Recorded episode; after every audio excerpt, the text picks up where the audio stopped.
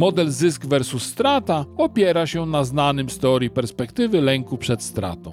Przedstawienie własnej oferty jako sposobu na uniknięcie strat i ryzyk ma większe szanse powodzenia niż prezentacja tej samej oferty jako źródła potencjalnych zysków. Pewnie znasz taką sytuację.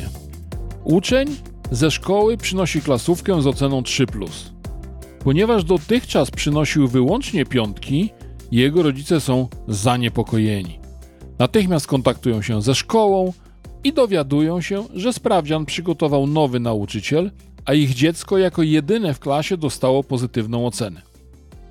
Ta informacja pewnie zmieni dotychczasowe rozczarowanie w umiarkowane zadowolenie, że może nie piątkowy, ale jednak ciągle najlepszy. Te różne odczucia rodziców to są właśnie dwie różne ramy, przez które rodzice postrzegają rzeczywistość. Wszyscy widzimy świat przez określone właśnie ramy, na które składają się nasze wykształcenie, doświadczenie, droga zawodowa, ale także ten konkretny moment, w którym jesteśmy. Spotkanie dwóch osób to spotkanie dwóch ram, także albo zwłaszcza w negocjacjach. Próby ramowania odnajdujemy na przykład, gdy jedna strona uważa cenę za wygórowaną. Doświadczony negocjator oferent natychmiast zwróci uwagę na inne aspekty, na przykład oszczędności, jakie staną się udziałem kupującego. W ten sposób tworzy dla negocjacji nową ramę. Już nie rozmawiamy tylko o cenie, ale jeszcze o korzyściach z tej ceny wynikających. W ten sposób ramowanie lub z angielska framing staje się ważną techniką negocjacyjną. Dwa najłatwiejsze do używania modele ramowania to selektywne skupienie i zysk versus strata. Używając selektywnego skupienia, negocjator koncentruje się na jednym wybranym aspekcie.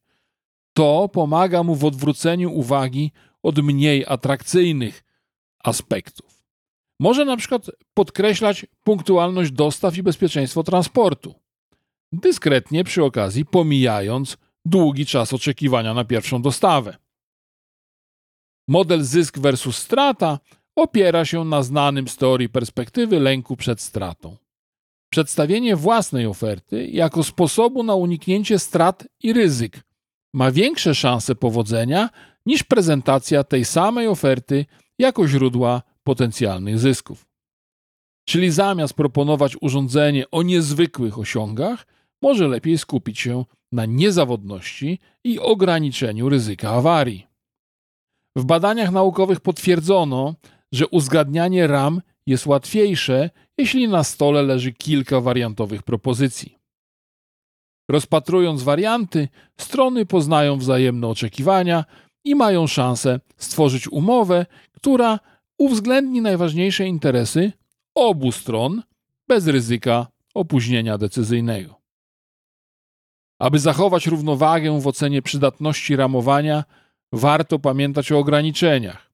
Po pierwsze, skuteczne ramowanie wymaga przygotowania.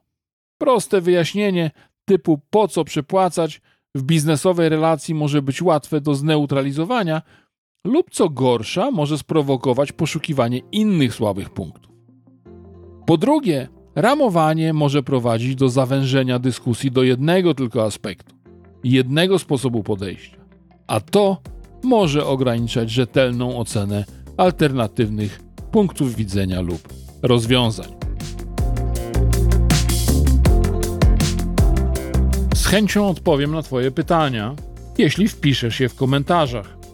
Zapraszam Cię także do zaglądania tu od czasu do czasu. Będą się tu na pewno pojawiać nowe treści. A jeśli chcesz, to po prostu dopisz się do subskrypcji.